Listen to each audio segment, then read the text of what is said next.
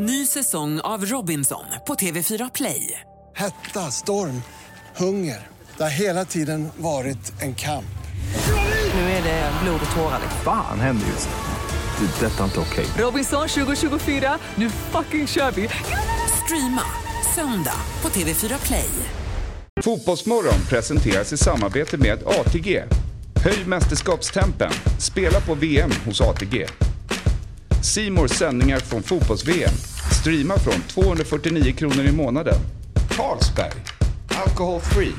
What's your game day ritual?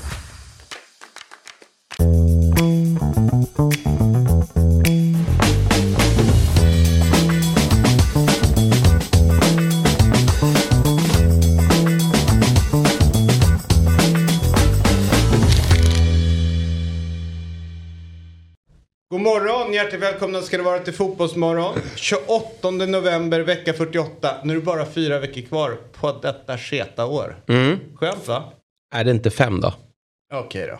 Var sällan nog. Nej, okej. Men ja, är det ett skitår tycker du? Jag vet fan vet jag. jag det, det, Kul att vända blad.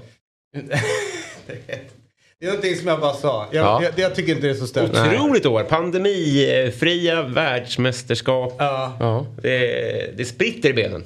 Kul. ja. Eh, jag älskar din t-shirt. Tack. Eh, men är, är det IT?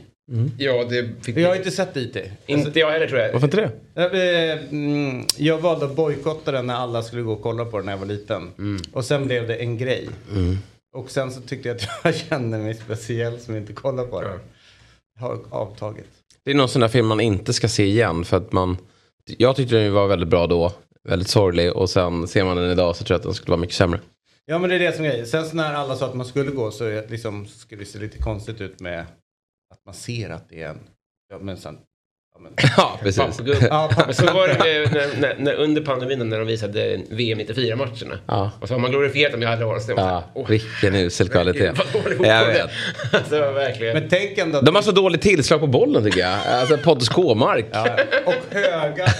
jag vet. Riktiga. Kommer ner med snö på. Roligast är att de inte riktigt behövde träna på samma sätt som Nej. idag. Så man kunde ju se ändå att det var ja, men folk som spelade lite grann för att det var kul. Ja, Jag såg verkligen. en bild på Glenn Strömberg och eh, Robert Prytz när de var i sin prime. Mm. Eh, och då stod och eh, stod uppställda på kort ifrån den världens bästa liga. Mm. Alltså de såg ut att spela liksom division 6-fotboll. Ja, ja. Alltså du vet, både brist på muskler och, eh, och eh, en viss överflöd Mm. av kropp. Men en annan sån där, har ni sett Hajen-filmerna igen? Nej. Nej. ja, alltså ja, det det är är så dåligt alltså. Herregud ja. alltså. För jag kommer ihåg när man såg det när man var liten. Jag, jag vågade inte kolla på det. Jag tyckte det var otroligt läskigt. Eh, och nu när jag kollar på det, det är liksom... Det är så dåligt. Nej det är så svagt Och det alltså. så Den hajen. Ja ja Man bara, du verkligen. kan inte vara rädd för det där. Du ser ju att det där inte är en haj. Det är någon som sitter med en Ja, hand och tar fram hajen.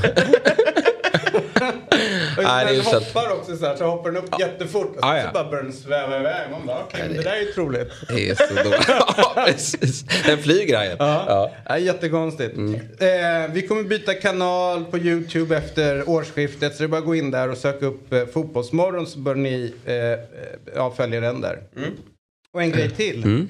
Eh, Fotbollsmorgon, vi har ju startat en insamling eh, för ja, viktiga grejer. Mm.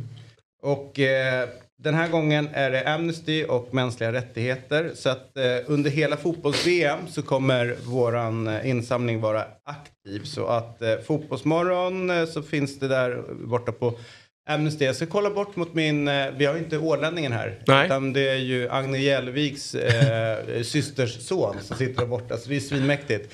Men eh, har vi någon så här QR-kod eller något sånt där? Man bara så här, går in på Amnesty och letar rätt på Fotbollsmorgon. Ja. Eh, jag skulle vilja börja prata om eh, folk som fuskar i VM med nationalsånger. Okej. Eh, nu gick det som, eh, jag gillar att det gick dåligt för Kanada, men är det inte ett jävla tryck i slutet på du vet, så här, uh, We stand on guard for thee. Du vet när de sjunger sin nationalsång, att de får en extra liksom, pepp, laddning. Att, man, att det är liksom, deras nationalsång är inte längre en nationalsång, utan det har blivit en så här idrottssång, alltså vet, så här, mäktiga ögonblick som man kan lätt drömma sig bort i och känna att Just vi där. Kanada, är det det? Ja, Ja, men tänk dig så här från hockeyn liksom. Ja, och. Mm. liksom så här, äh, hockeyhallarna nedstängda och de står och sjunger där. Och, oh, Canada. Ja. Ja. Du vet så. Jag har ju valt att inte eh, kolla på nationalsång. Alltså det är inget aktivt val. Men, men då försvinner jag bort lite från tvn. För jag tycker att nationalsångerna från övriga mästerskap har ju varit, det är ju mäktiga stunder. När man får med supportrarna. Och nu finns det ju inga supportrar där riktigt. Nej. Så att jag, jag är lite av en, du pratar med fel gubbe här. Eh, när det kommer till eh, nationalsångerna. Ja, men till exempel så här, för rätt många, om man tänker så här, afrikanska nationer kan ju ha lite mer marschmusiks, eh, Mm. liksom, eska låtar. Då känner man så att det här går man inte igång på på samma sätt liksom. Nej. Men är det bra? Jag, har också missat, men det är en bra slutkläm på den. Ja, så inåt helvete. Ja, Men det, det, Alltså det den, den går liksom upp Ja. på slutet sådär och man Mm. känner så "Åh, nu jävlar är jag taggad. Och det är lite fusk. Sverige får Mm. Och så fick ju Kanada den starten i Nej, matchen exakt. också. Ett mål som påminde om Sveriges, eh, eh, när, eh, mot Bulgarien, 5-1 matchen mot EM 2004 tror jag det är. 5-0 va? 5-0 är det. Mm. När eh, Erik Edman passar fram till Henrik Larsson. Men just det här Ja, jo, språngkänslan. absolut. Liksom, Ja, det var att riktigt snyggt. måttar liksom, Ja. in bollen. Ja, riktigt snyggt mål. Eh, och skön revansch för Davis som missade straff i första matchen. Men det var ju en kanonstart. Men sen föll man igenom och, och Kanada lite av en bluff, får man ju säga. De är en bluff. Ja. att Nej, jag vet. Men det var kul för att många gick ju bort sig. Bland annat av Fabian Ahlstrand såklart. Ja. Eh, han gick ju bort sig efter Kanadas första halvlek mot Belgien som var charmig. Men det, det visade ju sen också vilka, de hade ju brister i sitt försvarsspel. Och det visade också på hur trötta Belgien är. Ja. Vilket vi fick svar på igår också. Så att det, Alltså, det det, är skönt roligaste- när man får svar Ja, på och saker det och roligaste med Belgien måste vi ändå ta och det är lite synd om SVT. Många trådar nu här. Ja. Det, är lite, det är lite, lite synd om SVT i det här läget Ja. för att eh, det blev ju lite stök i Belgien Mm. igår. Just. Eh, och eh, då så sa ju de att eh, både på nyhetsplats och i, i VM-studion att det var belgiska bittra Mm. och förbannade eh, människor då som var ute på, på gatorna. Då tänkte jag, då kan de inte ha sett belgare spela fotboll. Det finns liksom, de springer ju inte i det Nej, precis. Alltså det är ju det som är grejen. Nej, de Så står det, redan stilla. där var det ju att det kan inte vara belgare. Nej, precis. Och vi ska ju ringa upp. Eh, Ja, alldeles strax så ska vi ja, göra det. eh, Ja, alldeles strax. Ja, visst Allt är ju relativt. Men, men Ja. lite senare i programmet i alla fall. Ja. Håller jag koll på det här igen. Ja, visst. Eh, ja, men Victor Numelin Ja. eh, som eh, jobbar på TT. Ja. Mm. Vi ska få, få rapport därifrån Bryssel. Eh, och sen, så det är jättemycket Alexander Axén. Ja, vad kul att få ringa upp honom. Prata Både Robinson. Och, ja, och, prata Robinson. Ja, kul, va? verkligen. Bra avsnitt igår. Vilket var det igår? Ja, det... Ja, det, det var det där ja. Eh, och sen så är det ju eh, ja, massa annat. Martin Bengtsson. Ja, kommer hit. Mhm, I skuggan av San Siro. Och även skrivit manus, som jag förstått det, till Börje Salmings, eh, serien om Börje Salming. Eh, som ska gå på Viaplay, som de har precis har spelat in där borta i Toronto. Jäklar alltså. Då blir det en spelserie liksom. Mm. Ja. Eh, nej, men Så jävla jag... vanskligt med när man gör spelserier utav, eh, utav folk. Eh, Mm, Ja. och De var ju där då i, i samband med att han också hyllades, Ja, eh, Börje Salming, alltså spelade in. Det är mäktigt på- alla sätt och vis. Mm. Jag hoppas att de håller sig borta från rena du vet, matchscener. Ja, de kan. Men de, det är ju problemet- jag tycker ändå att det har blivit bättre i många av de här spelfilmerna faktiskt. Eh, Man minns ju den här gamla fotbollsfilmen, eh, i Goal hette den va? Jo. det var inte bra. Nej. Eh, Det är men- fotbollens men- Hajen. Ja, verkligen. Satt jag där och pirrade. Ja, eh, hoppa runt på plan. Och, nej, det var usla mm, sekvenser. Men jag tycker Enda som ändå... har lyckats är Shaolin Soccer. Har inte sett. Är det den? Nej. Jo, det är den. Ja, alltså... Jag, jag, jag, jag, Ja, kick, sådär. De står och, ja, de kan hoppa upp och göra så här. ja, men det är bra. Ja. Att, för det, men de har ju fattat att vi kan inte göra de här fotbollsscenerna seriösa. Alltså så att Nej. det ser bra ut. Nej. Då är det lika bra att dra liksom hela vägen liksom extremt. Då är det så här som att... Air, Airbud är den bästa basketfilmen. En hund kan dunka. Alltså det är bättre att gå åt det hållet då. Alltså, Jag tycker man går än att det blir taffliga. Nej men det, jag är med på det. Men, De enda som kommer undan med Åshöjden med Bagan med Björn Nordqvist. För att det var, men det, ni är för, för små för det. Men, det var, men, det var, men det var ju att det var han och att det var så tydligt att här försöker vi inte ens göra någonting utav det. Nej. Men det värsta som är, är, är när de försöker att ska se, riktigt typ, och framförallt när någon blir tacklad. Ja. Ja, det är uselt. det, det är värre än Glenn Strömberg. Ja. där på- men jag tyckte unga... Heter den unga Zlatan? Ja, Den som var baserad på... Ja, det, ja precis. Där störde mig fotbollsscenerna noll. Alltså jag var inte Ja. liksom golvad och det, var, det är bättre att kolla på VM 94-spel än det här. Mm. Men det var det bästa jag har sett efter Kung Fu-filmen. Ja. Och den gillade du också, eller? Nej, Nej. det är tramsigt. Den är svintramsig. eh, Okej, är du nöjd nu med den här så kallade inledningen eller är det någonting annat du vill? Nej, vi kan eh, I jakten på. på kristallen. Det har varit lite rörigt, men det ska ju vara rörigt när vi tre är igång. Men eh, lite fram och tillbaka. Men ehm, jag hade ju två spaningar inför. Eller jag har haft många spaningar, många är felaktiga. Så det är bara att slå på mig. Ja, men inte så många felaktiga. Men två spaningar då. Jag satt ju här förra veckan. Eh, nej men, folk har hypat Senegal så hårt. Och vilket fantastiskt landslag. Ja men de här, jag tror faktiskt att det var i någon, någon av de större poddarna som sa att de kan gå och ta hela skiten. All right. Eh, och så kollar man i det där laget. Eh, ja men visst, de kan ju då hävda i efterhand att men Mané dök ju inte upp. Han, Nej, blev ju men skadad. det- och det är ju en smäll. Men, Men det är ju så absolut. att man måste kunna räkna Ja, in. så är det ju. Så, så beroende av en stjärna ska man inte kunna vara. Och, och är man så beroende av en stjärna då blir det inte i, i praktiken särskilt bra heller. Det har vi också sett. att man Det är lite Messi-syndromet att du gör allt så kan vi bara stå här. Men vi har ju liksom, det vet ju du, Mondi har ju ingen fantastisk säsong bakom sig i Eh, Chelsea. nej. Kommer hit och är kall. Koulibaly har ju ingen jättesäsong i Chelsea heller. Han är kall och har inte gjort det bra.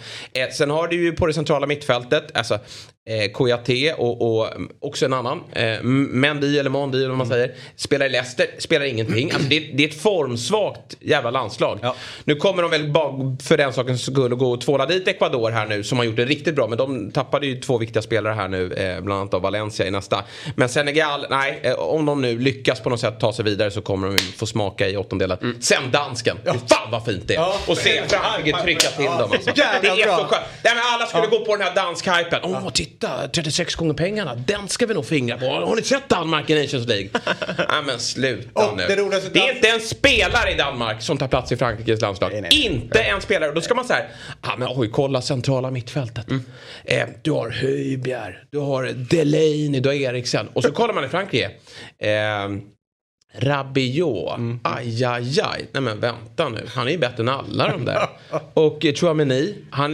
Nej men oj, aj, vad, det där är osäkerhet. Han spelar i Real Madrid och har just kostat en yard.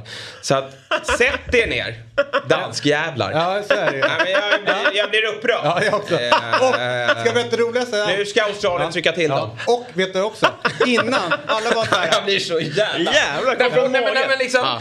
Ja men också en annan grej, vet du det är? Alla innan. Kolla på Danmark, vi ska bli som Danmark, vi ska spela. Hur jävla kul hade Men, de men det? verkligen. Det, eh, skulle Danmark få våra tre offensiva stjärnor, Kulusevski, Isak och eh, Forsberg, alla går rätt in där. Ja, ja. Så är det ju. Mm. Ja, ingen snack om saken.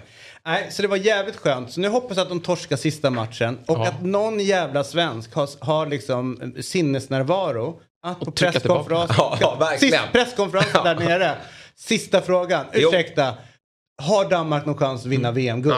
Just Där, det, den ska tillbaka. Kan vi, vi, kan vi skicka ner någon av oss? Akkreditera Ja, Fjäll och skicka ner dig. jag en fråga. Ja. Fan vad kul, jag är här för en Ja, fråga. ja. Jag är här för en jävla fråga. Hur många hotellet är det? Noll är bra. jag åker direkt. Jag åker direkt. De kan inte ha sån attityd mot oss. Jag, nu hoppas jag gå käpprätt åt helvete. Dansk jävlar. Så enkelt är det. Fy fan. Men man gillar ju landet i övrigt. Ja, ja, ja. Alltså, man gillar ju Ja, Danmark. Köpenhamn är mysigt. Ja, visst det är jävligt bra. Men just i det här fallet. Nej men det har byggts upp ett, ett Ja, ja. litet hat nu när de har liksom Ja, fan vad skönt fått vi fick mycket det där i hype. Ja systemet. verkligen, vad skönt. Eh, ska vi... Eh, är det något mer vi vill säga eller ska vi prata lite grann med vår bästa vän Mm. eh, Alexander Axén? Eh, det är ju så att eh, på måndagar så har vi haft liksom som princip att ha med Axén Ja. för att prata allsvenska, men den är ju över nu. Eh, så att då tänker vi så här, men han är ju fortfarande typ Sveriges vassaste expert. Då vill vi fortsätta använda honom eh, här. Så att jag tänker först att vi pratar lite VM och sen går över på lite grejer som händer i allsvenskan. Lite nyheter med övergångar och sådana saker. Först och främst, eh, god morgon Alexander Axén. Eh, representerar Fans Corner Sverige och dartbutik.se. Hur är läget? Jag är inte dyr, det märker du va? Nej, nej, nej, nej. Det, det har aldrig varit min vän. Det går, det går alltid att höra av sig om det Ja. är någon som vill någonting. Ja, visst. Eh, jag mår jättebra. Eh, jag har haft tandvärk eh, eh, i fem dagar. Så jag grinar nästan på kvällarna. Men jag kämpar. Mm, det finns tandläkare och sen så tipsar jag att gå dit en gång per år minst för koll. 12 december är nästa tid som jag fått, så jag har satt upp mig på en lista att ring så är jag där på 20 minuter var jag än är. Så att Ja. eh, vi får se. Det är inte, det är inte lätt att vara i spenaten. Nej. Nej. Här, här är ju så här, vill komma om 12 minuter. Ja, ja. Eh, men du, eh, vi har suttit och pratat lite grann eh, VM. Eh, lite, ja, vad tänker du kring Marockos skräll? Eller är det en skräll? Är det så att den marockanska fotbollen liksom är i kapp och förbi där, det belgiska? Nej men de är ju, vi underskattar ju dem såklart. De har ju varit bra länge egentligen men aldrig fått till det. Och det är väl det man är lite rädd för nu, att de ska krångla till det i sista omgången för att de är värda att gå vidare. Så att jag hoppas inte de sabbar det här nu men nej, de har ju jävla coolt spel alltså. Jag gillar dem jättemycket. Eh, ska, ska vi bara ta snabbt eh, Spanien-Tyskland. Vad, vad tänker du kring den stormatchen? Eh, att det kanske blev som man trodde, men inte på det här sättet på något sätt. Eh, att, att Spanien alltid har bollen, det, det är ju som det är liksom. Och då, jag tycker att Tyskland har gått bort sig när de slutade att ställa om fotbollen, utan började försöka ha ett possession, så har ju de blivit bara trötta och tråkiga. Och med den backlinjen de har, att spela högt upp är ju det är förkastligt alltså. Jag fattar inte att de inte lärde sig från förra mästerskapet och att de tror att det är det utvecklande. För mig var det ju facit på hur man skulle spela fotboll när de tog bort eh, han lite halvtjocka på mitten för att det skulle gå på två och en halv sekund genom mittfält och såna här grejer. Det, efter det tycker jag att de har tappat sitt sätt att spela, men jag tyckte ändå att förseningen igår var det här lite gamla Tyskland liksom. När man vet att de alltid kvitterar så. Men eh, nej, de är inte framme, det kan man inte säga. Men visst var det en bra match? Alltså rolig match att sitta och kolla på. Väldigt, väldigt rolig. Och, och det blir ju så när, de, när drakarna möts, då är det ju alltid bra tycker jag faktiskt. Ja, på, i VM ska jag vilja säga. Det är Ja. inte alltid så i, liksom, i klubblag. Utan det känns som att här är det, eh, eh, ja, min eh, kanske helt värdelösa tes. Men även att saker och ting skaver lite grann. Allt sitter inte ihop perfekt. Så blir det de här lite andra matchbilderna. Typ annan typ av fotboll. Men så är det ju. Så ser du ju de här som landar in sista helgen där efter de har spelat Premier League och grejer. Och så de här länderna som har legat och kört träningsläger en månad, vilken fördel de har i just att de kan störa så här tid i, i, i, liksom, i, liksom, i VM. Så att ju längre tiden går, desto mer talar det för de stora lagen. Men det är bara frågan om de hinner eh, liksom göra sig klara för att det är några länder där som är bättre förberedda, så är det bara. Om man ser till helheten då, eh, VMs inledning här. Vilka, vilka lag har eh, imponerat på dig och vilka tror du står där framme i, i final? det går inte att inte säga brassarna. Deras första match var helt magisk tycker jag. Och Serbien är absolut ingen dålig match, men är i stort sett chanslösa. Så att eh, för mig tycker jag, där bara, de har bara spelat en match, men för mig brassarna grymt bra försvarsspel också, inte bara framåt och sådär. Så de tycker jag är, har varit ruggigt, ruggigt bra faktiskt. Eh, så de har jag nog som etta. England då, min vän? Så jävla trött på den där Kane där uppe så jag spyr alltså. Hoppas han skadar sig. För det kommer aldrig gå om han ska vara med och spela. Det går inte liksom. Han är så jävla trött så jag orkar inte se honom alltså. Jag skulle vilja säga så här. Skicka ut Sterling så långt som möjligt eh, upp på läktaren någonstans och in med Phil Foden. Absolut. Där har du lösningen. Ja, det är massa som är bättre än de där, men de har väl gjort lite och lärt sig av Brasilien för att när jag tränade Wanderson då sa ju han eh, typ så här, tre månader innan VM så här kommer eh, Brasilien spela, så var det laget och så sa jag men vad, vad pratar du om liksom? Ja men så här gör man i Brasilien. Man bestämmer sig för en elva, sen kör man och man krånglar inte. Eh, och jag tror lite att de har tittat så att de ska göra liksom på något sätt, de här kör och så får de andra komma in och så. så att, Eh, ett dåligt beslut för han är helt, han är inte bra alltså, överhuvudtaget tycker jag, men han är inte bra nu. Och eh, det finns ju många hungriga bakom där som man har sett på inhoppen. Så lite fel att han inte går på fingertopparna tycker jag. Mm. Du, eh, ska vi bara som hastigast, eller inte som hastigast, det är ju viktigt också med vår egen liga som är världens bästa, allsvenskan här hemma. Eh, det händer lite grejer där. Bland annat Oliver Berg lämnar Kalmar FF. Väldigt intressant, man lyssnade till honom också för han hade ju Malmö också och, och följa med sin tränare då, Henrik, ner till Malmö. Men eh, träffar Kim Bergstrand.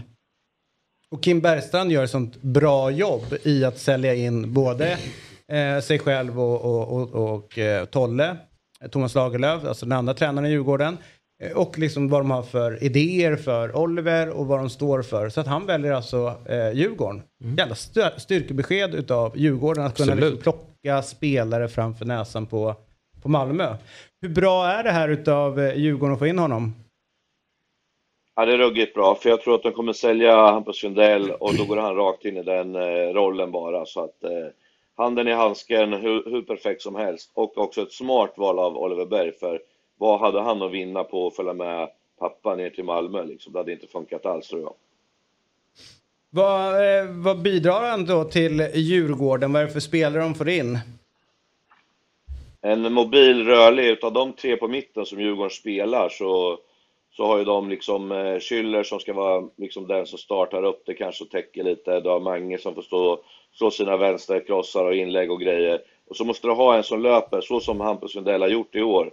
Och där är ju han handen i handsken, för att han är rörlig, han är duktig, han är mobil, han är duktig på att ta sig in i straffområdet och en bra avslutare. Så att, eh, nej, det där är liksom, ja, det är så bra som man inte kan tro att det är sant nästan. Och det är klart att Kim och Tolle är bra på att sälja in, men ni vet ju själva vem som ligger bakom. Han har säkert tagit ut den på, på Brillo eller på eh, Rish och sen har det varit, bara smält där inne. Han har inte fattat någonting och sen har han skrivit på tror jag. Ta, ta, drick lite piller. Ja, Är det exakt. starkt? Nej, nej, bara vatten. Ja. Vi ser här var, var Ronaldo landar. Exakt. Ja. Skriv under det En här. kväll med Bosse. Det är bara på- notan. Ja, Ja, exakt. Hoppla. Hoppla. Två år. Två år. Välkommen till Djurgårdsfamiljen. Inte omöjligt Ja. Ronaldo och Pelle Kotschek i armkrok. Ja, herregud. Ska vi ta oss till det andra laget? Eh, eh, eller ett annat lag i Stockholmsområdet. Och då blir det Bayern där Magyar berättar att han eh, lägger ner sin karriär efter herrans massa fotbollsmatcher. Eh, var det oväntat? Nej, inte ett dugg. Eh, han har ju han har ju liksom kämpat med sin fysiska och psykiska hälsa, mer psykiska kanske, eh, under många år.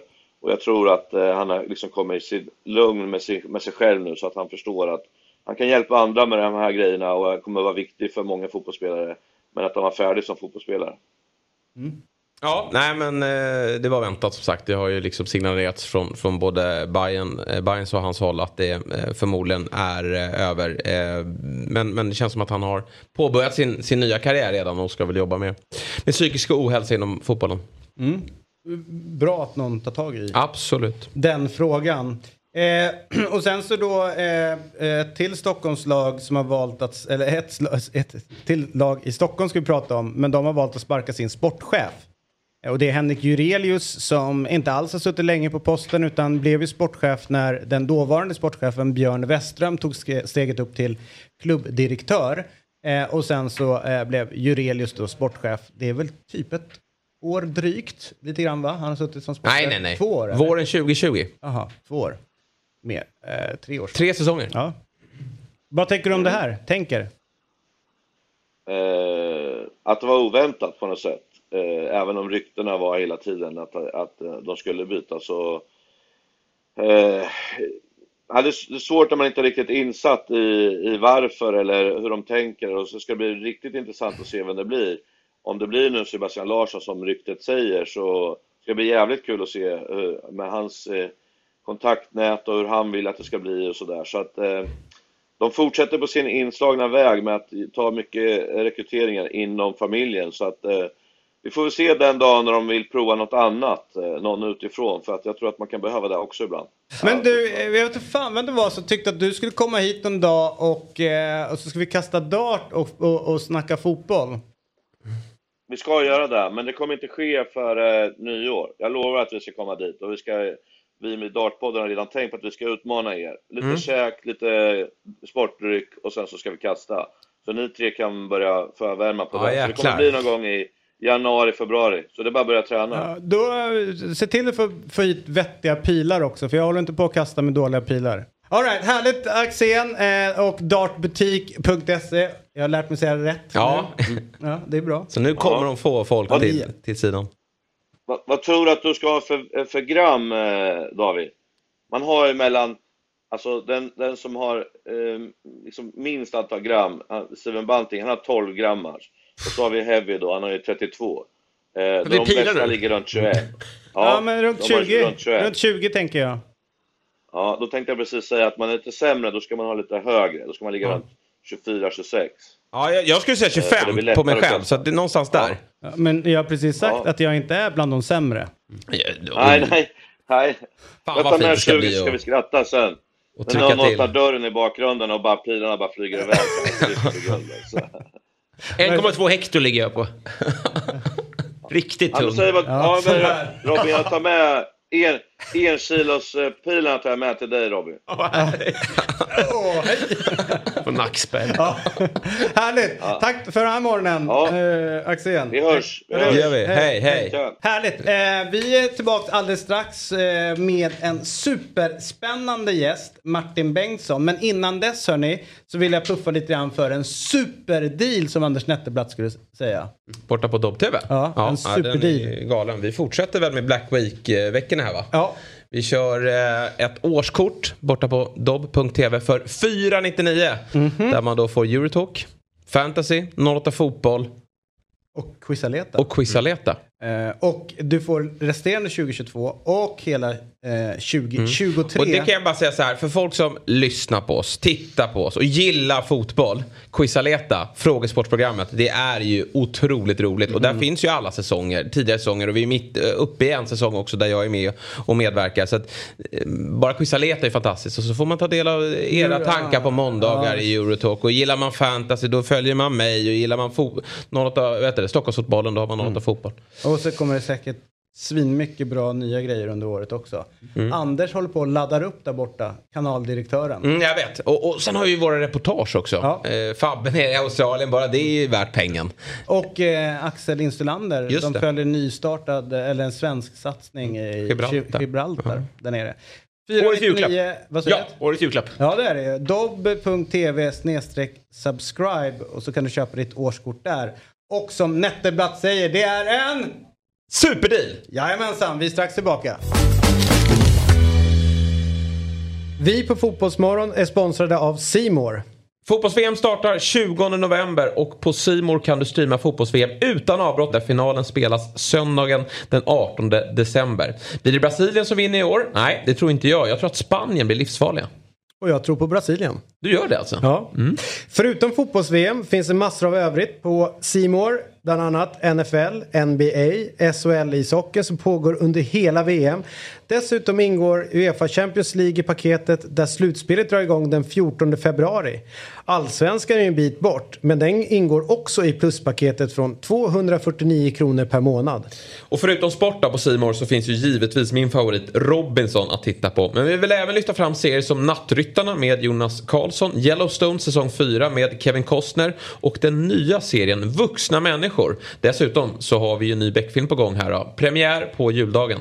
Allt detta får ni från 249 kronor per månad hos Simor. Tack Simor som är med och sponsrar Fotbollsmorgon. Då är vi tillbaka i Fotbollsmorgon och vi säger välkommen till Martin Bengtsson. Hur är läget med dig? Det är bra, kul att vara här. Kul att ha dig här. Eh, eh, första gången jag tror att jag kontaktade var svinlänge sedan när vi på Fan-TV hette det då som vi jobbade. Och då tänkte vi så här, Martin måste komma till Eurotalk. Men trägen vinner. Mm. Det började det 2005 det programmet. Men eh, det var inte då kanske precis så. Men härligt att ha det här. Hur mycket följer du fotbollen? Eh, nej men eh, jag läser mycket om fotboll, eh, ska jag säga. Sen så ser jag väl eh, inte riktigt lika mycket på fotboll. Eh, och verkligen inte så mycket som jag gjorde när jag själv höll på. Eh, så här. Det- Spelar du någonting? Eh, jag spelar med polare ibland, alltså hemma i kvarteret och gjort några sådana här korpen gästspel. Det brukar komma olika korpenförfrågningar med jämna mellanrum. Kan du komma en från mig här innan Ja. morgonen är slut? Ha, har, du- har du lekstuga? Eh, nej, alltså det har jag inte. Det var till och med någon gång jag spelade nu där det liksom andra laget stod och tittade och sa så här, ja men det är han där på mitten Mm. som är, man ser att han är, eh, liksom har varit proffs. Och det var, det var inte jag, utan det var, liksom, det var den här yngre killen Ah, ja, ja. som spelade bredvid mig. Ja, okej. Det är bara för skönt att slipper det var- Ska vi berätta då för de som inte har koll eh, att eh, du eh, som 17-åring skrev på ett proffskontrakt med Inter. Eh, och eh, det blev inte riktigt som du hade eh, trott och tänkt innan utan eh, du drabbades av psykisk ohälsa. Eh, och eh, karriären slutade eh, där i, liksom i, i sviten av det. Eh, du har skrivit den självbiografiska boken I skuggan av San Siro då som hemma redan heter i, eh, i Inter där nere. Och för ett år sedan så kom eh, filmen Tigrar ut som då bygger på, på boken. Det, eh, det som är när man tittar tillbaka, för jag kommer ihåg, jag, jag följde ju såklart när du liksom tog klivet över och alla var ju såhär shit vad, vad, vad imponerande och stort. Och... Måste bara fråga, hur nära var du AIK? AIK var ju intresserad av dig, vill jag minnas. Ja, eh, precis. Jo, men det var... Jag vet inte hur nära det var, men jag var ju och provspelade med dem. Ja. Både då som 15-16-åring, men även när jag kom hem från eh, Inter så var det ganska nära en övergång dit. Hur tidigt börjar det kännas att, att, så här, att det är någonting som inte stämmer? Ehm, ja, det beror lite på vilken ände man börjar. Alltså, så här, jag var ju väldigt besatt av fotboll. Alltså redan vid 11-12 års åldern. Alltså väldigt, väldigt insnöad och väldigt kontrollerande i förhållande till min träning, till min kropp och allting. Så redan där kan man väl säga att det, det var liksom... Ja, den där besattheten var väl ett tecken på någonting. Alltså den här självkontrollen och sådär. Eh, men sen så skulle jag säga att det var egentligen under den tiden i, i Milano och i Inter där eh, i samband med en knäskada jag hade som inte i grunden var en särskilt allvarlig skada. Det var en meniskskada, jag var borta i två, tre veckor. Men under den tiden skulle jag säga att där började det bubbla upp massa frågor kring så här, okej men vem är jag när jag inte spelar fotboll? Alltså fram till dess så hade jag ju kunnat spelat och liksom hela mitt självförtroende och mitt egenvärde och så vidare låg i de här prestationerna. Men när jag fick den där skadan och verkligen inte kunde kliva ut på planen, då, där skulle jag säga att det hände någonting. Det var i slutet av min första säsong liksom i, i Inter. Vad tror du att det berodde på att du började känna de där känslorna och de där funderingarna?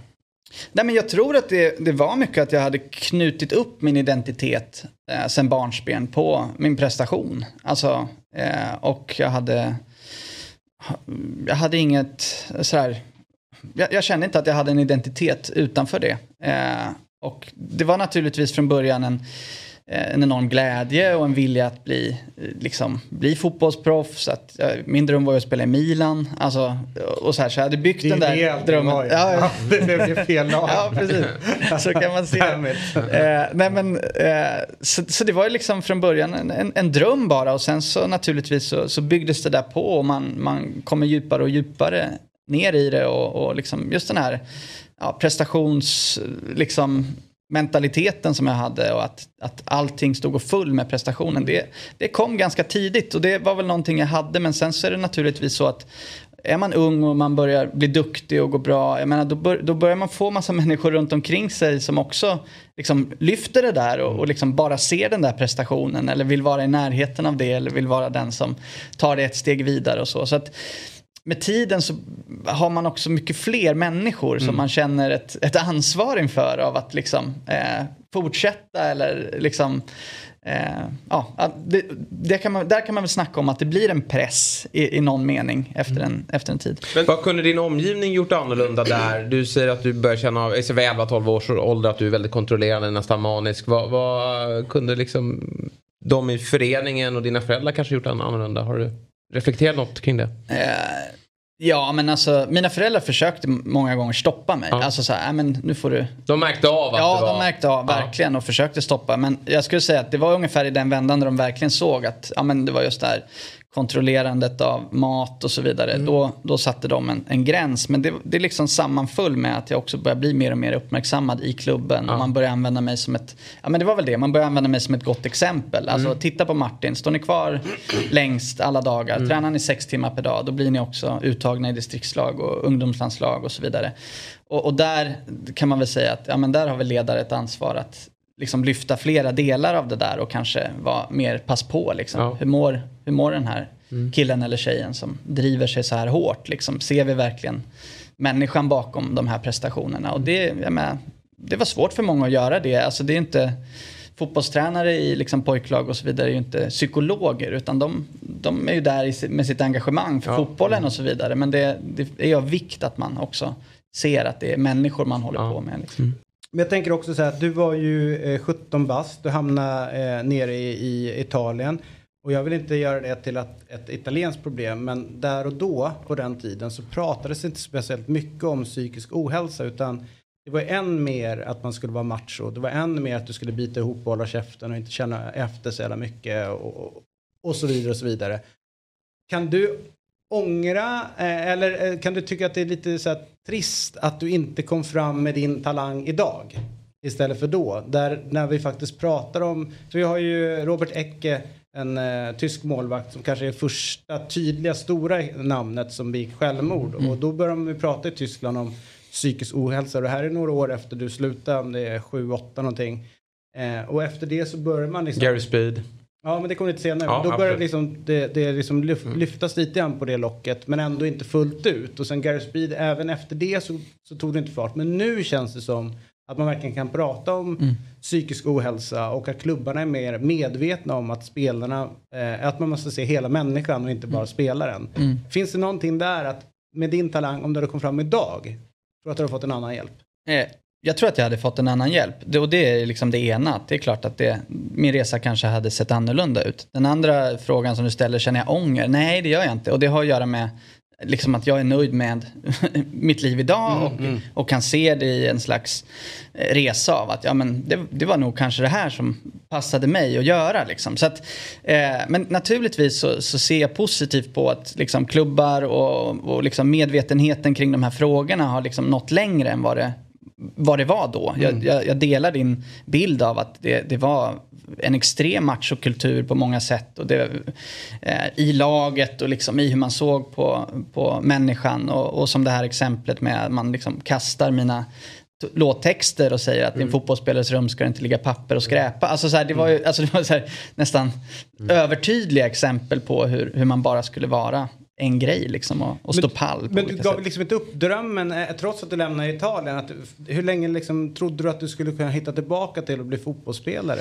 Ja men ungefär, jag skulle säga ungefär ett år. Men och det var lite knepigt för att jag, alltså när jag kom hem från Italien så var jag ju enormt deprimerad. Alltså jag tog mig inte upp ur sängen liksom och fick så småningom ja, stöd och hjälp och terapi och så vidare för att börja liksom, möta vardagen. För det var också att det fanns ju en enorm liksom, också skam i det där och, och, och känsla av att jag hade misslyckats. Och när man mötte folk på stan hemma i Örebro så var det också det man fick höra. Liksom. Du kom hem med svansen mellan benen. Eller i podda, eller då var det inte podda men du vet så här, forum, Forum. forum eller tid, alltså även journalister var så här, "Ah, men han, han pallar inte mentalt och så Han vidare. vek ner sig. Han vek ner sig och så vidare. Så för mig så, alltså det där steget att skriva boken handlade ju mycket om att säga, okej men det finns en komplexitet här. Alltså som är viktig att få fram. Alltså det är inte så enkelt som att någon är svag och någon är stark. Och, alltså, utan det, det är olika saker som leder fram till det här. Eh, men så, så man kan säga att när jag väl kom hem så var den där depressionen och så, så småningom så växte idén fram om att äh, men jag vill berätta om det här. Men däremellan så fanns det ju en enorm fysisk abstinens också. Med tanke på hur hårt jag hade tränat från nio års åldern, sex timmar per dag. Eh, så var det ju liksom... Ja, nej, men så att när, när jag inte, alltså när jag kom hem då och inte hade den här träningen så blir man ju liksom, jag var ju adrenalinstinn liksom. Så det var nästan fysiskt som jag behövde ut på planen igen för att liksom eh, ja, få ur med det där. Så då spelade jag en sväng i, i, ja det var ju den här vändan då när jag var och tränade med AIK. Så fick jag en skada under den där tiden och så här, det blev ingenting där och det var i slutet av transferfönstret och, och massa grejer. Så då, då slutade det med att jag var tillbaka i Örebro i deras, eh, eh, de hade ett lag i division 2 då som var, var liksom under där jag skulle ja, börja eh, ta mig tillbaka så att säga. Och sen började det gå bra i, i liksom den där sommaren och då minns jag att jag läste i tidningen att nu, nu är Bengtsson eh, på väg tillbaka liksom. Eh, nu på gång igen. Och, och då minns jag när jag satt där vid frukost och läste den här tidningen att bara det här vill inte jag göra igen. alltså det kändes, det var bara så tydligt i kroppen så här, nej. Var Här är det, var, här det är det glä, slut. var det glädjen som var borta eller var det att du liksom känn, började känna den här pressen igen? Att det var det som var det jobbiga? Så att det var liksom det som var runt omkring fotbollen? Att det var inte att spela fotboll som du inte ville tillbaka till utan det var allting det andra? Nej, där och då var också glädjen till fotbollen borta, skulle jag säga. Och hade ersatts mycket av musik och skrivande och andra saker helt enkelt. Alltså jag hade ju, när jag kom hem så fick jag då hoppa på gymnasiet igen för det var ju, jag hade ju hoppat av det liksom. Och det var ju i det som jag också började hitta eh, ja, journalistik och skrivande och så vidare. Så att det var väl i att jag både kände att någonting annat började liksom locka och, och samtidigt kände att nej men det, det var inte kul längre att spela fotboll. Och det hade väl att göra med att jag också hade varit i den världen och där borta och sett någonting och liksom den här illusionen eller drömmen var ju på något vis eh, krossad. Alltså, eh, den, den- ser ju inte ut som när man är nio och drömmer om det där utan det, jag mötte ju realiteten liksom. Eh, så att, eh, men så där och då så skulle jag säga att glädjen till att även att spela fotboll var borta. Något, ja. Är glädjen till fotbollen, är, är den kvar där nere? Eller har du återfått den i någon mån? Alltså nu har jag återfått fo- alltså glädjen att, spe- nu. att spela fotboll. Alltså alla gånger. Jag tycker det är jätteroligt att spela fotboll. Och, och som sagt, jag spelar i kvarteret hemma. Jag går ut med bollen och, och liksom har, men jag har sagt i någon annan intervju, liksom att det har nästan blivit som en Alltså när jag fattade att bollen också var någonting meditativt. Att stå och kicka med bollen och att man därigenom kunde släppa den press man har i sitt arbete som manusfattare till exempel i andra delar. Att det så här, däråt fick jag en relation till bollen som egentligen var den kanske ursprungliga men som sen växte, växte in i att bli en liksom jag ett att du har fått jobba med det själv också. För jag menar, nu skriver du manus och musik och annat. Och det kan ju lätt appliceras på det också. Det du hade, det här kontrollerande behovet i fotbollen till vad du gör idag. Men du känner att du kan liksom hantera det på ett bättre sätt idag eller? Ja, absolut. Alltså en sån här erfarenhet eh, liksom gör ju någonting. Den förändrar ju en som människa. Liksom. Att göra den resan. Alltså dels förändrar den på, då, på så vis. Alltså, på det positiva att så här, jag satte upp ett mål och i princip så nådde jag det. Alltså jag, jag har en förståelse för att det går. Det går att sätta ett mål och det går att träna jäkligt hårt för att nå det. Och det är någonting jag har med mig naturligtvis i mitt arbete som, som manusförfattare eller dramatiker idag. Att så här, ja, men det går att ha en vision och sen så jobba för det hårt. Och sen så kan det bli av. Eh, men samtidigt så, så har det ju också gett, alltså genom terapi men också bara genom erfarenheten i sig, en, en annan, liksom, att man är pass på, man är med på vad är det som händer inombords. När börjar någonting eh, bli så viktigt att allting annat försvinner. Alltså att relationer inte betyder någonting. Att man, alltså så här, eh, att, att hitta en balans kort och gott. Liksom. Och det, det är naturligtvis enklare idag. Och enklare när man har familj eller man har andra människor med som också pockar på med sina behov och liksom att man behöver vara andra saker än bara uppe i sig själv och sitt liksom. Hur hittar du manus eh, som skrivandet? Hur hamnar du in på det?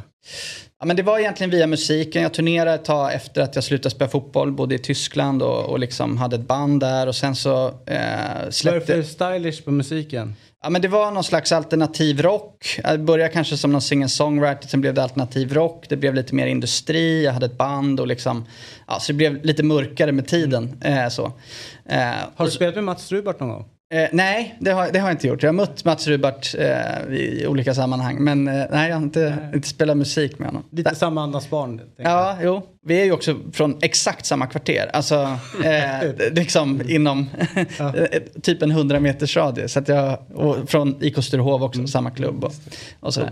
Men, eh, nej, men så vägen in i manusskrivandet var egentligen via musiken och sen så pluggade jag på Teaterhögskolan i Malmö till dramatiker och, och därigenom så började jag skriva mycket pjäser både ja, i Sverige och England. Och, och sen så har det varit en, kan man säga, en tv-boom, alltså mycket eh, tv-drama som har gjorts och hamnar liksom i den. Du är inne i riktigt intressant skrivande nu och har ju blivit aktuellt, eller skrivande. Det är ju eh, en, eh, en serie på Viaplay om Börje Salming eh, som eh, spelas in under hösten och tyvärr då så har han gått bort. Eh, hur har den serien varit att jobba med? Ja, precis. Jag, jag, jag vet inte hur mycket jag kan säga om Alltid det nu. som lyssnar. Ja, precis. Nej, men, jag, men det jag kan säga, alltså först och främst, eh, Börjes, eh, att han gick bort här har varit eh, förfärligt. Och eh, mina tankar är hos hans familj och liksom som ja, eh, har, förlorat, har förlorat honom. Sin pappa och sin eh, man och allt. Eh, men och, och liksom, äh, men det, det är lite känslosamt att prata om för jag har ju liksom suttit med Börje mycket under sista eh, två åren när jag har jobbat med det här manuset. Och man har ju, han har varit otroligt liksom bjussig och bjudit in och delat med sig och, och, och liksom, eh, ja, på ett otroligt sätt. Eh, och, och, och, det är klart att, att skriva hans eh, berättelse eh, när han samtidigt mm. nu befinner sig i det här har varit väldigt, väldigt speciellt. Men jag är naturligtvis otroligt hedrad över att jag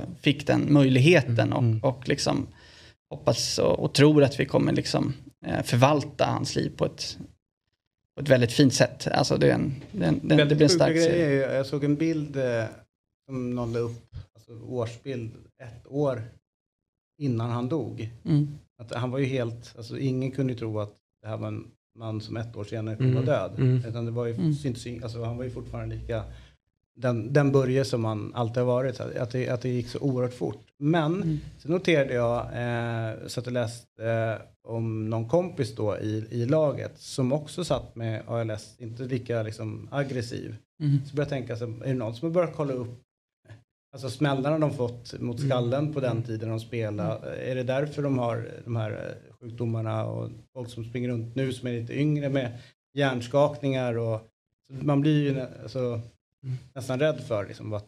De forskar väl mer och mer på det där. Alltså, ja, de, de men där och då när han eh, ja. körde 70-talet så var det inte så mycket forskning det, runt Nej, och det var ju inte... Det var ju, heller, liksom. nej, jag vet inte om det finns någon koppling. Det, det kan jag inte veta, men det var ju alltså det, man, det man har förstått när man också har varit nere i den här researchen och liksom pratat med många av dem som spelade den här tiden och också sett material och så vidare. Det var ju otroligt tufft och de här stora slagsmålen och inga mm. hjälmar. Och, alltså, det var ju helt brutalt liksom. De var ju som gladiatorer liksom när de klev in. Och han som spelstil också. Nu, han var ju precis före min tid. Men, men även om jag minns liksom när han någonstans blev klar för AIK där mot slutet. Men, men han var ju, togs ju hårt. Mm. Han var ju fysisk som spelare verkar som. Och sen när man ser de här bilderna som kablas ut så var det ju när han stack över. Då var det utan hjälm. Mm. Eh, och sen avslutade han liksom med hjälm. Så att det ja, måste ha varit helt eh, Men också galet. tänker jag, fanns det eh, säkert sjukt jävla långsökt fråga nu, men jag kör ändå. Fanns det någonting ni kunde eh, landa i gemensamt med att båda ha dragit utomlands till en främmande miljö eh, och liksom eh, jag kan tänka för Börje var det psykiskt jobbigt i början där borta. Mm. Kunde ni liksom hitta någon, någon gemensam plats där? Naturligtvis. Mm. Det, det gjorde vi. Mm. Kan du utveckla något? Mm, nej, men det, det är liksom... Jag tycker också det känns lite... För mig, för mig är det lite nära. Det är lite ja. tidigt att mm. prata om. Alltså när Börje precis har gått bort. Och det är liksom verkligen i respekt för, eh, för familjen. Och den här serien kommer komma och det kommer finnas massa tillfällen att mm. prata om den och, och, utveckla och så vidare. Men det... det ja, jag, jag Börje, vi hittade varandra. Han var otroligt fin, ödmjuk, bjussig, skarp liksom i, i de mm. samtalen vi hade. Och jag kan bara, ja, som sagt, jag är jäkligt hedrad att mm. ha fått När släpps serien? Får du säga det? Eh, ja, men det har de väl gått ut med att det är någon gång hösten 2023. Så mm. det är väl... Om ett år? Ja, ja. Mm, sånt. Vad härligt att du kom hit Martin. Kul att vara här. Eh, Axén och du, har ni, känner ni till varandra eller? Eh, Axén var ju tränare i Rynninge eh, under, ja det var när jag kom fram typ i. Örebro. Då var han, då var han tränare där. Eh, jag, jag har liksom inte stött på honom egentligen eh, så mycket mer än, än på den tiden. Så, så jag... Löskanon på däcken säger det. Mm. Ja. ja. det passar dig. Ja. Han är inte att leka med. Eh, men vad härligt. Eh, bra människor ändå som vi har namedroppat från Örebro nu. Eller? Ja, definitivt Martin, så. Axén, Rubart. Mm. Det är ju det är tre stora. Ja, de tre stora mm. på stan. Mm. Eh, nu får vi säkert någon efter oss. Mm. Tack för att du kom hit eh, och god Tack morgon på dig. Vi ska alldeles strax ringa upp Viktor Nummelin eh, som är korrespondent i Bryssel för TT och det är ju med anledning av att det blev eh, upplopp igår. Just det, precis. Det ska bli intressant att höra vad han... Ah, nej, han verkar redan vara med oss. Han är redan med oss. Mm. Vad härligt. Tack ska ni ha. Tack så mycket. Mycket trevligt. Eh, Viktor Nummelin, TT, korrespondent i Bryssel. Igår då efter eh, avslutad match mellan Belgien och Marocko där Belgien förlorade och Marocko vann med 2-0 eh, så eh, utbröt det eh, kravallliknande scener på gatorna i Bryssel eh, där det kastades stenar mot polis, elskotrar och bilar har eldats upp och skyltfönster har smält sönder och så vidare och så vidare. Och vi ska då vara tydliga med att säga att det var inte belgare utan det var firande marockanska fans som var ute på gatorna i Bryssel. Och Viktor, hur eh, är situationen idag? Och under natten? Eh, ja, det ebbade ut ganska snabbt. Det brukar ändå göra det. Polisen är ganska vana vid de här händelserna. Det är tyvärr så att det här är någonting som, som nästan har blivit en vana så fort eh, Marocko spelar fotbollslandskamper. Det kvittar om det är VM eller Afrikanska mästerskap eller något liknande. Men eh, just i och med att det finns väldigt många eh, marockaner i Bryssel. Det var många marockaner som kom hit till eh, bilindustrin en gång i tiden. Eh, det är den särklassigt största invandrargruppen idag och eh, även om naturligtvis merparten av de här fansen är jätteglada och mest ute och springer och viftar med sina flaggor och är glada över segern och extra glada naturligtvis när man slår Belgien, så har det också för det mesta ja, urartat i en hel del. Det finns en svans så att säga som, som gärna passar på att slåss i det här läget. Och vad beror det på att eh, den här svansen är så aggressiva och vill manifestera sin, eh, sin frustration på det här sättet? Jag tror, att det har, jag tror att det har med flera orsaker att göra. Dels så är det ju så att eh, marockanerna är ju en invandrargrupp som ofta har känt sig eh, ja, så att säga, lite som andra klassens, eller andra klassens medborgare i Belgien. De, de plockade som sagt hit väldigt mycket till bilindustrin en gång i tiden. Eh, samtidigt så är det inte helt lätt att då integrera i det belgiska samhället. Eh, många känner att de blir ofta utpekade som eh, brottslingar. Det har ju varit mycket de under de åren när vi hade väldigt mycket terror, en hög terrormedvetenhet här så var det ju ofta eh, många personer med just bakgrund i Mellanöstern, Nordafrika som var inblandade i de terrordåden som till exempel drabbade eh, just Bryssel 2016 och även Paris 2015 som ju också kom härifrån. Och det är klart att många av dem, eh, även vanliga, hederliga höll jag på att säga, vanliga människor har ofta kanske blivit utsatta för extra poliskontroller och tyckt att andra människor tittar snett på dem och ifrågasätter dem och liknande. Då blir det ju lätt så att man tar ut sina frustrationer i sådana här lägen. Har det hänt förut i fotbollssammanhang? Att, eh, Ja, jo, men som sagt, eh, ganska ofta nu för tiden tyvärr när Marocko spelar fotbollslandskamper. Det är lite udda när, så att säga, polisen egentligen inte är orolig för de belgiska fansen vid belgiska landskamper. De belgiska landslagsfansen är ganska fredliga. Det är lite ungefär som i Sverige. Eh, det är sällan bråk på några landskamper. Däremot kan det gå ganska hett till och vara rätt stökigt när det är klubbmatcher. Eh, men däremot eh, så är det lite så att högriskmatcherna här, det är när Marocko spelar oavsett om de spelar i, hemma i Rabat eller i Casablanca eller till och med som sagt, jag minns någon match här i höstas eller om det var i våras när de eh, spelade mot Kongo i Kinshasa som det också varit ganska mycket liv i, i Bryssel men även i Liège eh, andra städer i Belgien också, till exempel i Nederländerna. I Rotterdam var det också ganska stökigt igår kväll. Mm. Ja, men det, exakt, för det, det, var ju rapporter om att det hade spridit sig till Rotterdam och till Amsterdam och en del då trodde mm. att det här skulle och fäste både då i Bryssel, Rotterdam, Amsterdam. Hur, hur finns en oro för att det här verkligen då ska, ska spridas ordentligt till, till eh, de olika länderna i regionen? Nej, det tror jag inte. Alltså jag, så som man bedömer det nu, det gick ganska snabbt ändå innan man innan, eh, innan det här var över, åtminstone i Bryssel. Sen kom det lite så att säga inspiration, om man kan säga, kalla det så, ifrån Liège igår kväll och även då Rotterdam och Amsterdam. Eh, jag tror väl säkert att det kommer att vara en, en eh, noggrann poliskontroll på torsdag när, när de spelar sista matchen i gruppspelet. Eh, men eh, det har åtminstone vid tidigare tillfällen inte varit så att det här är någonting som har pågått i flera dagar eller någonting, utan det är väldigt koncentrerat kring själva matchen. Det är ju det att många av de här så att säga, bråkstakarna i svansen, de passar ju på lite när, eh, när det finns ett läge när det är väldigt mycket folk ute på stan och det är väldigt liksom tjo och tjim. Det, det blir ju så. Eh, när, Marocko, när det går bra för Marocko, då är fansen väldigt, väldigt glada och gillar att springa omkring med flaggorna, eh, köra med sina bilar runt om i stan. Och det är klart, är det mycket folk ute på gatorna, då är det ju så att säga lätt, lättare att komma undan om man som eh, bråkstakare kanske hellre vill kasta sten eller göra fuffens. Du, eh, Viktor, eh, måste också fråga om hur har reaktionerna i Belgien varit på just då deras förlust mot Marocko? Hur går snacket ja, runt det, landslaget? Det är ju ingen glad stämning om man säger så i Bryssel idag. Eh, det sammanfattar väl rätt mycket Le Soir, den stora franskspråkiga dagstidningen som ju då eh, dubbel hem, framsida idag kan man kalla det. Där de, där de, dels den här lite skammen över bråken som var igår, men också då den oerhörda sorgsenhet över det landslag som han har ja, förtjusats av i flera år och som nu eh, än så länge i det här VMet bara liksom är spillror av sitt forna jag. Och det är, eh, jag tror att väldigt många hade hoppats ändå att det här kanske skulle vara sista chansen för eh, den här gyllene generationen att eh, få till kanske till och med jag tror kanske inte så många som har trott, att Belgien skulle gå, kunna ta sig ända fram och vinna ett VM. Men att åtminstone gå långt, precis som man gjorde i förra VM.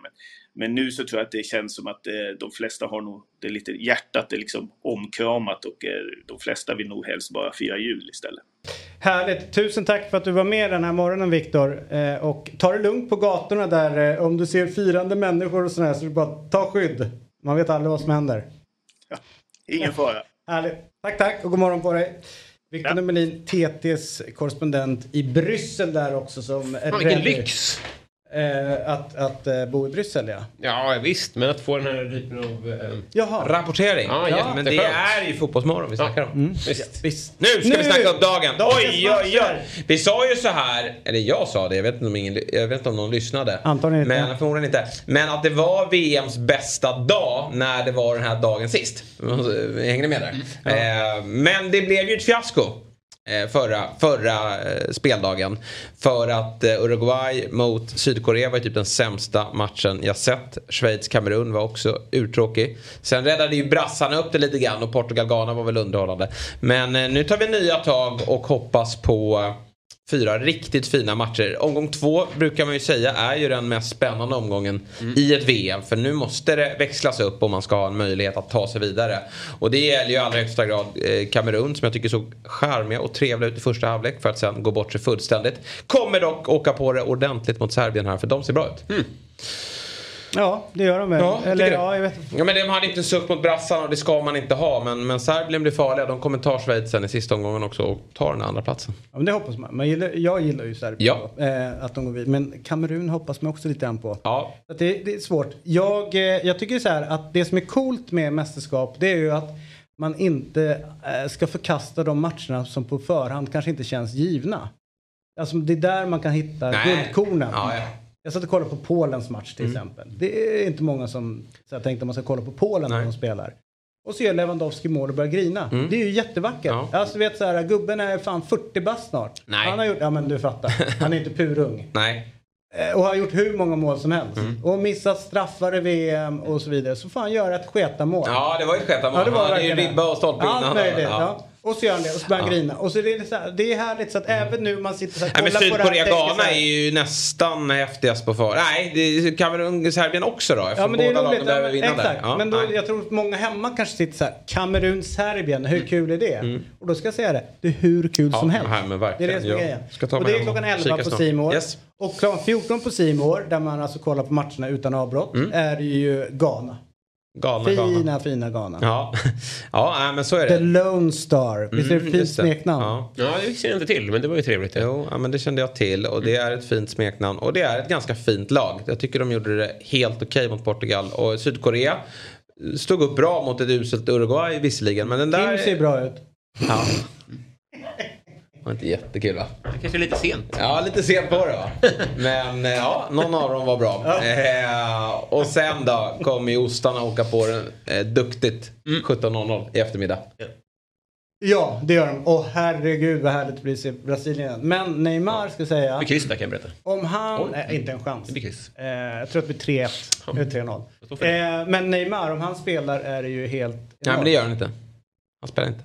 Man ska aldrig... Alltså, så här, Nej men han spelar inte. Han, Nej, men så här, det är klart han inte gör det. Men de, det där är så galet där nere för att han kan få för sig att han vill spela bara för att. Rätt så.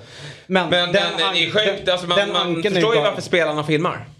Varför Neymar filmar så mycket som han gör. Eh, Jag kan säga så här att han blir folk kollar på hur mycket skit han får. Ja, nej, det är overkligt. Sparkar, Ja, ja, nej, det är helt galet. Det är helt galet. Eh, Vi, vi, vi måste stå upp hårt i den, att, alltså, att folk liksom hakar på den eh, vågen av att tycka att han filmar mycket, sätter hur mycket stryk han får.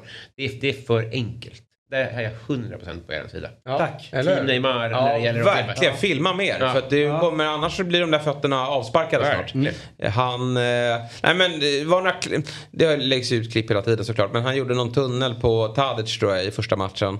Då zoomar de in då när han eh, förnedrar honom igen. Och så går Tadic fram och garvar efteråt och bara så här, det där var ruggigt snyggt och Neymar bara, ja. jag här hela tiden. Men det var kul att du fick smaka på det. Eh, men då ser man ju, alltså han får typ fyra smällar i de situationerna. Mm, Alltså han tar så mycket stryk. Han måste ha så ont och sen så är ju nära att han, hans dröm krossas på grund av den här smällen.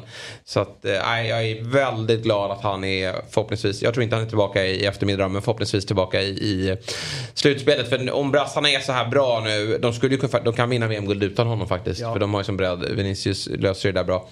Men han måste ju få vara med och vinna guldet. Eh, Det är viktigt. För så var det någon som eh, i någon... Eh, ja, men? Jo, jo. Ja. Någon som analyserade hans eh, spel eh, och att, eh, apropå förstärka det Robin säger och du säger, eh, är ju att han, han har bollen så nära kroppen Mm. hela tiden. Alltså att han har en jäkla kontroll. Det enda sättet typ är att, ja, men, om du ska ta bollen så är ju foten där. Mm, ja, ja. Det är ju, eh, Men- han, eh, han eh, leder ju in dem alltså, till att komma så nära innan han gör finterna så. så att han, nej, han får mycket... Vi har ju dramaturgin klar här va, om ni har koll på träden, vilket jag har. Frankrike grupp etta, ena sidan, Brasilien grupp etta, andra sidan möts de i finalen, Mbappé mot Neymar där det är lite frostigt. Häftigt. Eh, PSG jublar, Qatar PSG. Ja, exakt. finalen. Ja, exakt. All right, eh, Men det här sista- är ju kvällens, dagens höjdare med... Ja, ja, ja. Simon, Ja, ja, det är har- klart det är. ja. Men jag tänker Portugal, Uruguay får vi inte missa heller. Nej, nej, nej, men nu måste Uruguay steppa upp här. Mhm. Tror du att de kan göra det då? Ja, jag tror det. Den här matchen passar de ju bättre. Men, men... Och sen, är det någon match som man ska vara dålig så är det första Ja, gruppomgången. Så man kan verkligen... Eh, Och de förlorade ju inte, de fick ju med sig en poäng liksom. Men de, behöver, de får inte tappa poäng här. Men jag tror att det är också så här, du har helt rätt att chansen finns. Men jag tror att, eh, att komma in, eh, hellre torska andra. Vinn första, Mm. torska andra. För att du vill ändå ha liksom en seger. Om du torskar första, kryssar andra. Mm. Det är så jävla, eh, liksom massa hängbjörkar som sitter borta på träningslägret då. Liksom. Ja, Eller så på talar ju. Sverige-Tyskland 2018 för i, i och för sig. Men jag, jag tror att eh, det här skulle kunna vara per, perfekt för Uruguay. Som du säger, tog poäng också. Och verkligen så här, vilken Ja. bluff.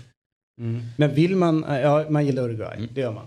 All right, eh, take it away. Ja, men här har ni eh, dagens speltips eh, borta hos ATG.se. Det här är väldigt bra. Jag fattade inte varför Rafael Leao inte startade. Men det kommer han göra i den här matchen. Han kom in och gjorde mål direkt. Och eh, han gör mål i, idag mot Uruguay som inte imponerade senast. Och Bruno Fernandes. Han går ju alltid på skott. Eh, så att eh, han skjuter ett skott på mål.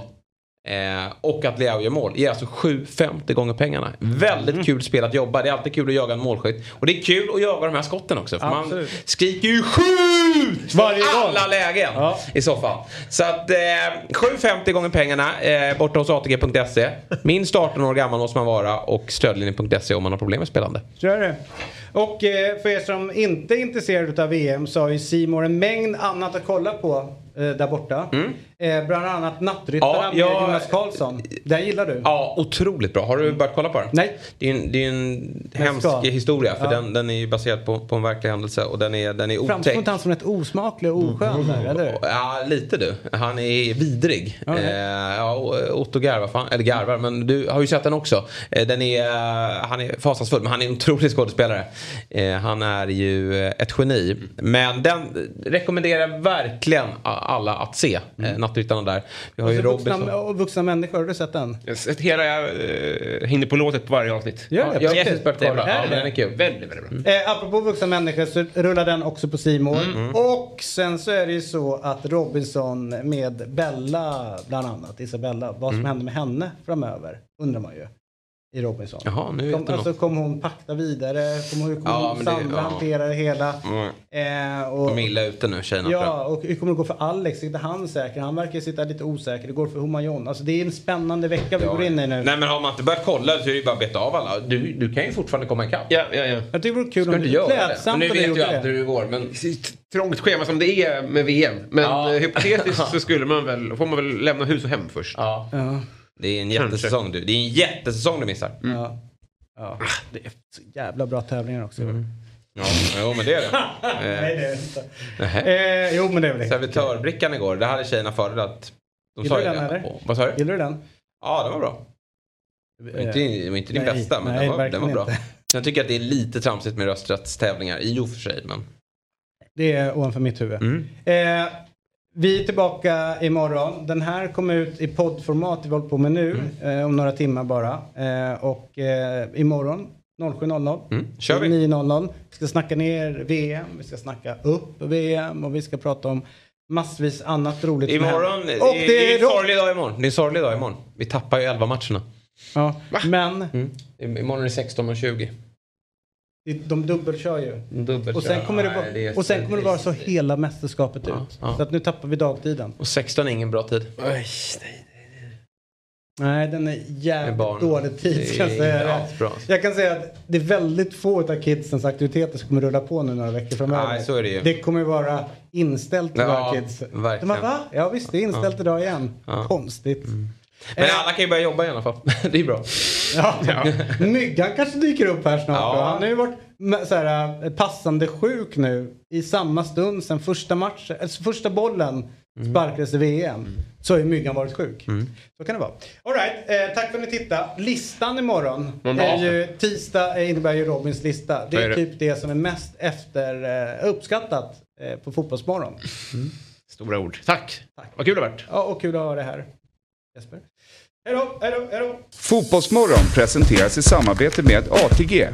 Höj mästerskapstempen. Spela på VM hos ATG. Simors sändningar från fotbolls-VM. Streama från 249 kronor i månaden. Carlsberg.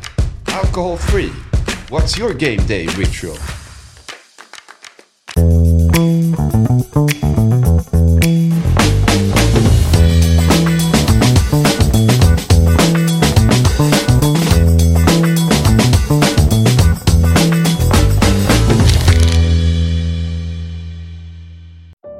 Säsong av Robinson på TV4 Play.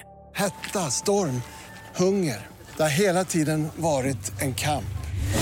Nu är det blod och tårar. liksom. Fan händer just nu. Det. är Detta är inte okej. Robinson 2024, nu fucking kör vi! Streama söndag på TV4 Play.